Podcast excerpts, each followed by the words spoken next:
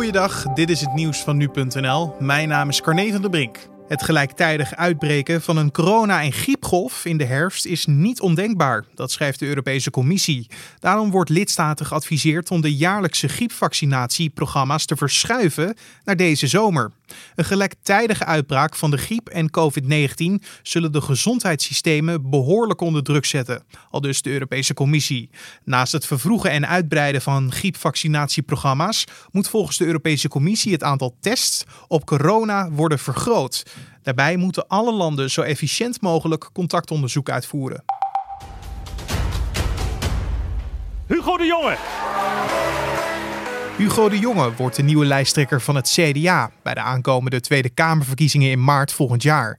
De minister van Volksgezondheid won het in een tweede stemronde nipt van Tweede Kamerlid Pieter Omzicht. Het verschil was heel klein. De jongen kreeg 50,7% van de stemmen en de overige 49,3%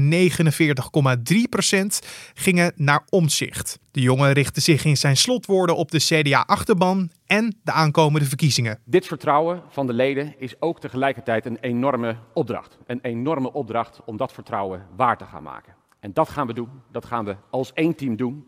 Samen naar 2021.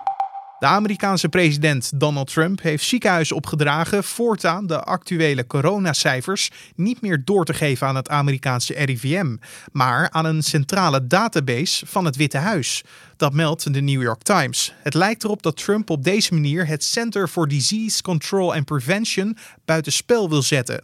Critici hebben direct hun zorgen geuit over deze stap van de regering. Medische experts zijn bang dat dit besluit de transparantie over het aantal coronagevallen in de VS niet ten goede komt en de gegevens voor politieke doeleinden zullen worden ingezet. En het Openbaar Ministerie heeft 18 maanden celstraf geëist tegen de man die in 2018 een groep mensen aanreed bij het festival Pinkpop, waarbij toen een 35-jarige man uit Heerlen omkwam. Drie anderen zijn bij het ongeluk zwaar gewond geraakt en ervaren daar nog steeds de gevolgen van. Zo heeft een van hen hersenletsel opgelopen. De verdachte Danny S. valt niet te verwijten dat hij te hard heeft gereden. En hij was ook niet onder invloed van alcohol of drugs. Maar volgens justitie zag hij de festivalgangers over het hoofd, doordat hij niet goed oplette. De rechtbank doet op woensdag 29 juli uitspraak. En tot zover de nieuwsupdate van nu.nl.